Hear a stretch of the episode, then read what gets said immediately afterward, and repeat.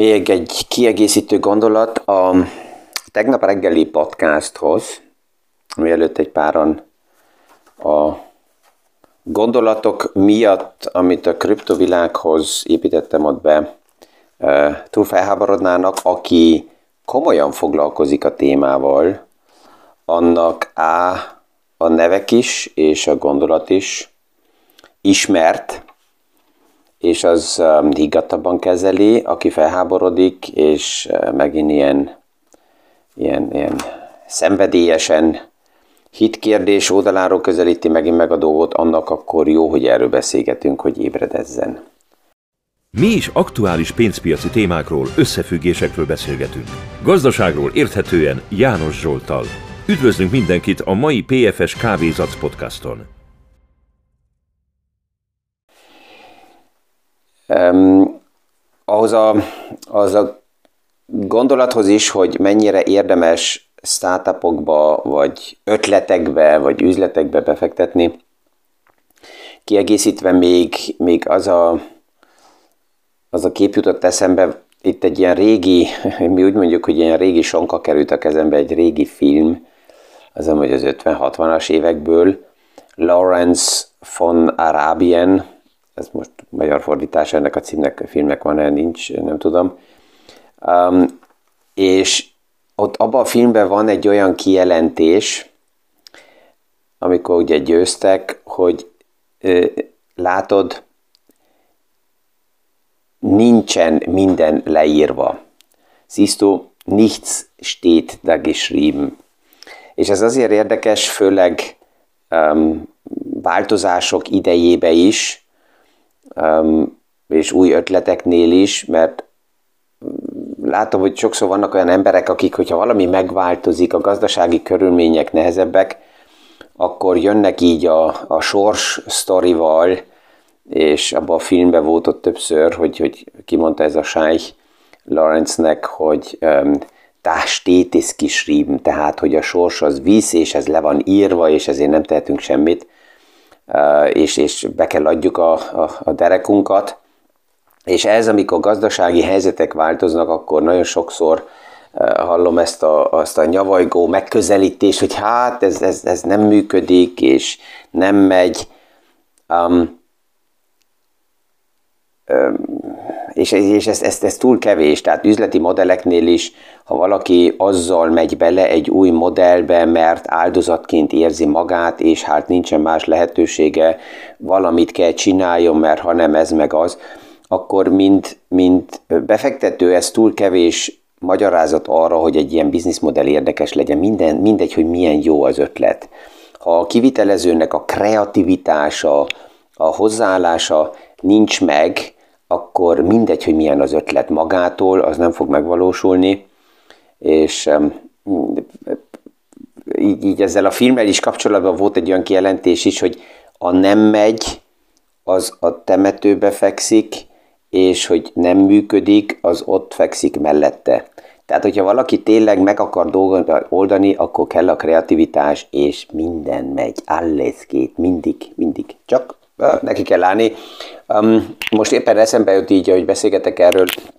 James Bondnak a Goldfinger filmjét a legtöbben ismerik, és amit a legtöbben nem tudnak, hogy Goldfinger, az a, az a figura James Bondba, az egy valós üzletember volt ennek a Goldfinger figurának a, a, a mintája, példája, Charles Engelhardt, és ő arany kereskedő volt, rájött arra, és látta, hogy Afrika és Ázsia között az aranyárban nagy különbség van, és ezért Afrikából akart aranyat exportálni Ázsiába. De mikor ezt elindította volna, akkor látta, hogy az arany tömbök és az arany érmeken nagyon nagy adó van rajta,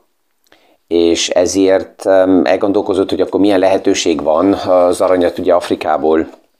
kiszállítani, és beolvasztotta az aranyat, és ilyen um, figurákat öntetett, ami, ami ilyen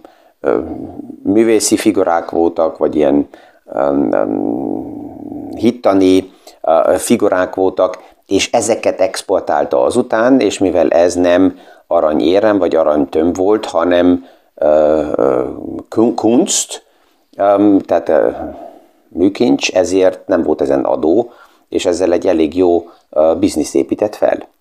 Vagy egy másik példa, aki így változó helyzetekbe, olvastam róla is, valamikor így biográfiákba, Max Stern, ő Németországba élt, és alapjában kereskedő volt, főleg ruhaneművel és textiliparágba, de a világháború körül ugye az a biznisz itt összeomlott, nem volt nagyon jó a kilátás, és ezért eldöntötte, hogy ki fog vándorolni, de a leírtak szerint, mielőtt kivándorolt volna, itt Németországban még így összeszedte az utolsó pénzét, és megvásárolt 2000 szár, száz kanária madarat, kanárienvogel, remélem, hogy magyarul is a kanária madár, és ezeket nem egy nagy kalitkába tette be, hanem egyenként egy, egyes kalitkákba, és azután kivándorolt Amerikába, ezt vitte magával,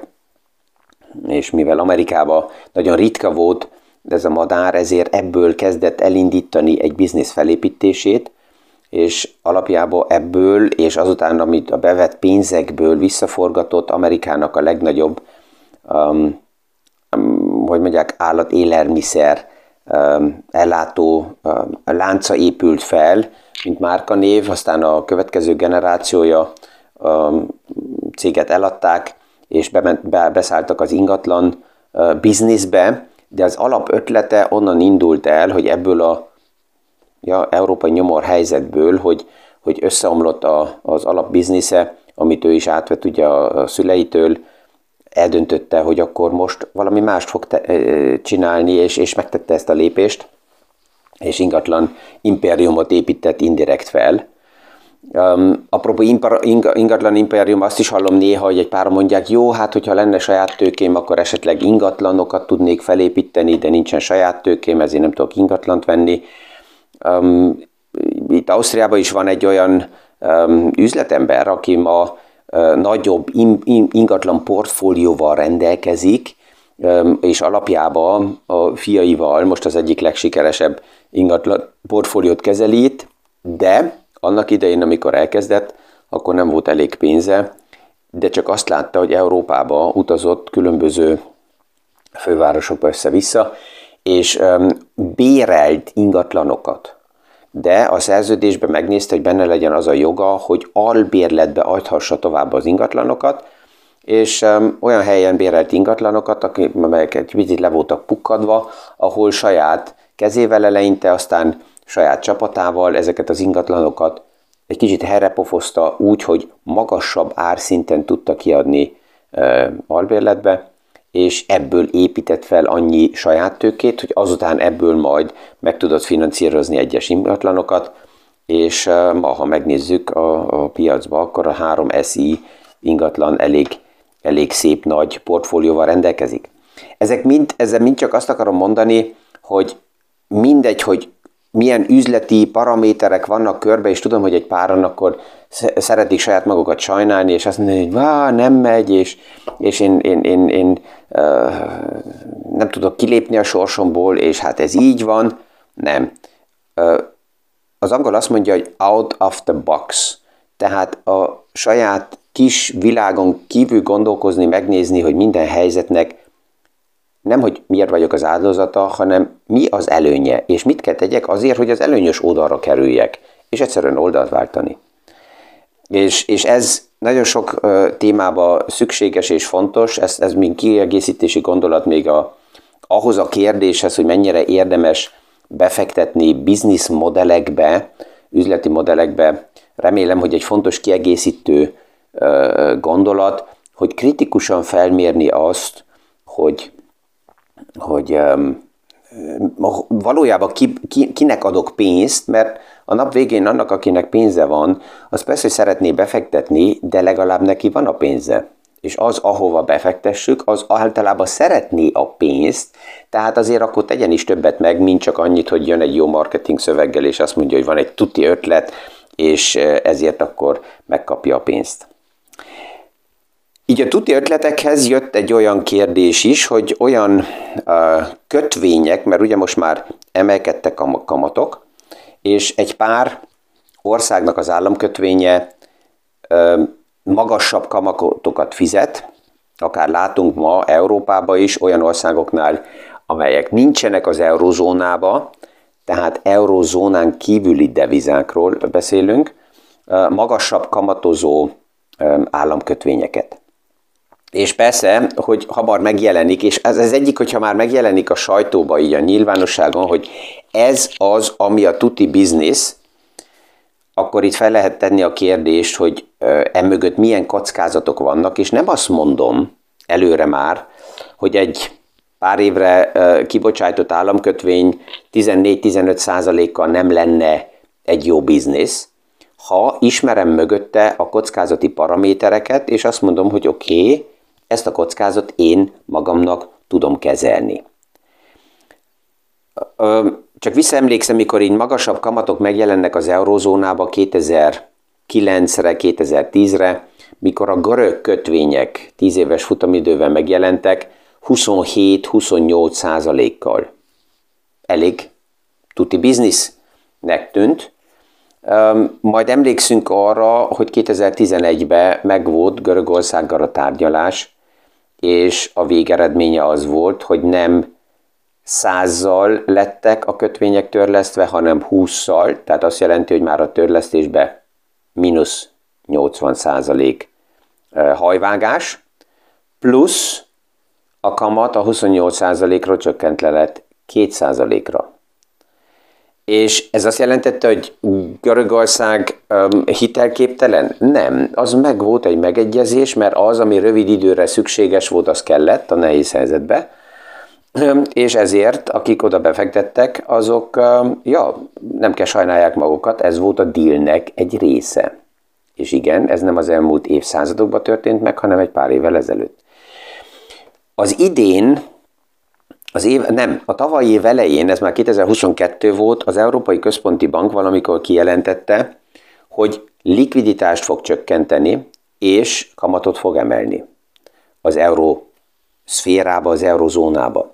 Ez mit jelent periféria szatellit országoknak és szatellit devizáknak? Azt jelenti, hogy likviditás a piacból vonódik ki, és nem csak az Európai Központi Bank, hanem a Fed is kijelentette, hogy likviditás von ki a piacból, ha likviditást vonnak ki, az akkor azt jelenti, hogy kockázatosabb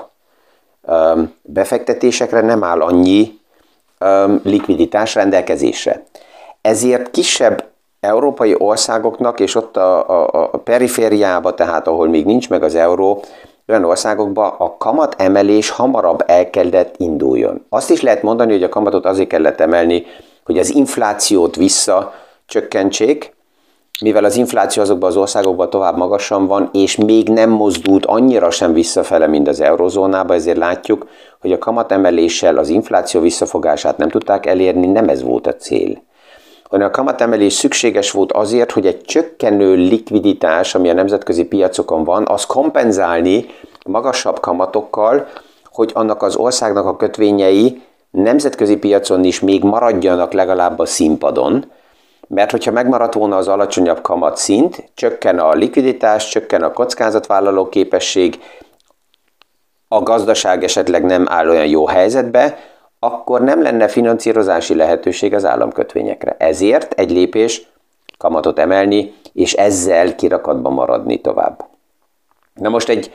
külföldi, egy e, euróból, dollárból jövő befektetőnek egy 15-17 százalékos kamat éves kamat egy, egy kötvénynél, az alapjában nem néz rosszul ki. A kérdés, hogy milyen devizába lesz ez a kamat fizetve. Hogyha egy euró befektető euróba kapná ezt a kamatot, akkor ez egy elég tuti biznisz, mert akkor nincs meg annak a devizának a, a gyengülési kockázata. A másik, amivel szembe kell nézzek, hogy mekkora az a kockázat, hogy ez a kibocsátó deviza 15-20 százalékkal gyengül. Ennek is ugye, hogy a deviza el van gyengítve, ennek megvan alapjába az előnye, hogyha a, az ország és a Nemzeti Bank oldaláról nézzük ezt, De hát ez az a kockázat, ami megvan. És a következő kérdés az, hogy mi történik a kamatokkal. Ha a kamatok megmaradnak azon a szinten, ahol most vagyunk, és nem lesz további kamat csökkenés, vagy emelés, akkor ez alapjában egy jó biznisz. Hogyha lenne egy kamat emelés, akkor persze az azt jelenti, hogy ez a kamat is tovább, vagy a kötvény értéket vesztene, mert a kamat emelésen keresztül, amit láttunk 2022-ben is ugye a kötvényeknél, csökkent a, a kötvényeknek az árfolyama azzal, hogy nagyon erős kamatemelések történtek. Tehát ezek kockázaton megvan két oldalon, az egyik, hogy mi történik a kamattal, és a másik oldalán mi történik a devizának az árfolyamával, hogy ez gyengül-e, vagy erősödik. Hogy ott több paraméter benne van, hogy a deviza milyen okokból tud gyengülni, arra most nem is akarok kitérni, hanem inkább azt, azt, azt az állítólag tuti fogadást egy kicsit megkérdőjelezni, hogy páran azt mondják, hogy jó, a kamatok nem fognak tovább emelkedni. A piac azt árazza pillanatnyilag be, hogy a kamatok állítólag az év vége fele csökkennének. Ez egy jó forgatókönyv lenne, egy ilyen magas kamatozó kötvénynél is, mert hogyha a kamatok akár csökkennek, vagy nem emelkednek tovább, akkor kamat oldaláról és árfolyam oldaláról nem lenne akkora veszély. Megmarad csak a deviza árfolyamnak, a, a devizának a kockázata. Emlékszem, egy pár évvel ezelőtt a török központi bank is kibocsájtott egy eh, nagyon magasan kamatozó kötvényt, és az a kötvény nemzetközi befektetőknek egy, egy rövid időre érdekes volt, mert az Európai Kontrollbank fizette a, a kamatot, és garantált azért, hogy euróba fizetődött az a magas kamat. És annak idején, ha jól emlékszem, az ilyen 6% különbség volt a török államkötvény euróba fizetett kamata és az euróba kibocsájtott kamatok között. Ez egy ilyen rövid időre kibocsájtott kötvény volt, ennek csak az volt a kockázata, hogy amikor majd törleszteni kell a kötvénynek, addig a görög állam olyan állapotban van, vagy olyan politikai helyzet alakul ki, hogy azt mondják, hogy nemzetközi befektetőknek nem fogjuk mi visszafizetni száz százalékba a kibocsájtott, a felvett kötvényt, hanem pár százalékkal kevesebbet. Ők úgyis megkapták a magasabb kamatot, ezért nem kell annyit törleszteni, és kiszállnak plusz-minusz nullával. Tehát itt az államoknak is megvan a lehetőségük elég kreatívan a kötvény kérdésével foglalkozni, és újra és újra, ezt mindenki saját maga kell eldöntse, azt dobom fel, hogyha valaki olyan helyzetben van, hogy az aktuális egészséges gazdasági körülményekhez nézve túl magas kamatot kell fizessen, hogy egyáltalán fel tudja venni a hitelt, és emellett el van nyakig adósodva. Csak azért, mert egy állam, ez elége nekem, mint magyarázat, hogy azt mondom, hogy én elhiszem, és megveszem az államkötvényt, vagy odaadom neki a kölcsönt. Mert ez mindig másképp hangzik, ha az embereknek azt mondom, hogy nem államkötvényt veszel meg, vagy nem kötvényt veszel meg, hanem kölcsönt nyújtasz valakinek. Ha azt mondom, hogy kölcsön nyújtasz valakinek, akkor már az, aki ezt felveszi, érdemes egy kicsit komolyabban megnézni, szembenézni vele, hogy mire is fogja használni ezt a pénzt, és mennyire biztos, hogy nekem ezt vissza fogja fizetni. Um, és az, hogy a, a kamatok biztos, hogy visszajönnek-e, ezt a kérdést azért érdemes tovább feszegetni, és az idén ez fog minket foglalkoztatni, mert 5% kamat dollárba soknak tűnik. Azt nézve, hogy hol voltunk egy évvel ezelőtt. De ha azt nézzük, hogy hosszú időre ez az 5% mi lehet, és ha az infláció mégsem jön olyan hamar vissza, mint amit elvárunk, akkor Paul Falka lépései a 70-es évekből, ahol, ahol ő rövid időre akár a dollár kamatot 5-6 százalékról 20-ra felrántotta, az nincs olyan messze. Nem azt mondom, hogy ez most meg fog történni, mert az eurozónában is arról a szintről, ahol most vagyunk, 2,5-3 százalékról felrántani a 15 százalékra a kamatot, az biztos, hogy durva lenne, de csak azt szem előtt tartani, aki azt mondja, hogy de ez biztos, hogy a, a kamatok nem fognak tovább emelkedni, és biztos, hogy az év végére a kamatok csökkenni fognak. Ha ez megtörténik, mint szenárió, én azt mondanám, hogy annak örvendelni fogunk, mert az sok mindent a befektetési paraméterekbe, az, az könnyít és az eredményeket emelni fogja. De érdemes a worst case szenáriókkal is egy kicsit gondolkozni, főleg azoknak is, akik még túl rövid ideje vannak a piacokban, és amikor van egy ilyen nagyon erősebb piaci korrekció, akkor azt hiszik, mert azt látták 2020-ba, hogy a korrekció után mindig egy nagyon erős, gyors visszapattanás van. A konzolidálási, tehát az, hogy a piac újra beárazza magát, lerázza minden uh, túlsebezett bikát, és kimenjen a fájdalom a piacból, ez az oldalazó szintje a piacnak eltartat akár egy-két évet is. És um, ezért minden, ami ilyen tuti fogadásnak néz ki, ott érdemes azt az angol idézetet, hogy there is no free lunch in life, azt mindig szem előtt tartani, um, és ha azután azt mondom, hogy oké, okay, én elfogadom azt a kockázatot, ezzel tudok élni, akkor why not? Egy privát portfólió szemszögből nézve mindig úgyis az a kérdés fontos, hogy az összportfóliómnak mennyi része arányba legyen kötvényekbe, mennyi részvényekbe, és azután foglalkozhatok azzal a minőséggel, hogy az, ami kötvény rész, az milyen kötvények legyenek, milyen minőségi kötvények, milyen hozamú kötvények, milyen kockázatot vásárolok be, és ebből a szempontból kezelném. Ez bízok, gondolom, hogy nem az a válasz, amit szeretett volna ez a hallgató tőlem kapni, aki feltette a kérdést, hogy ez mit szólok, tehát igen vagy nem, mert ebben nem megyek bele. A felelősség persze, hogy mindenkinél van, hanem próbálok egy pár olyan szemszöget feldobni, amit a kockázat felmérés mellett érdemes megvilágítani, és azután dönteni. Ezzel ma is mindenkinek kellemes napot kívánok, és a viszonhallása a hónap reggeli PFS Kávézac podcastig. Thank you.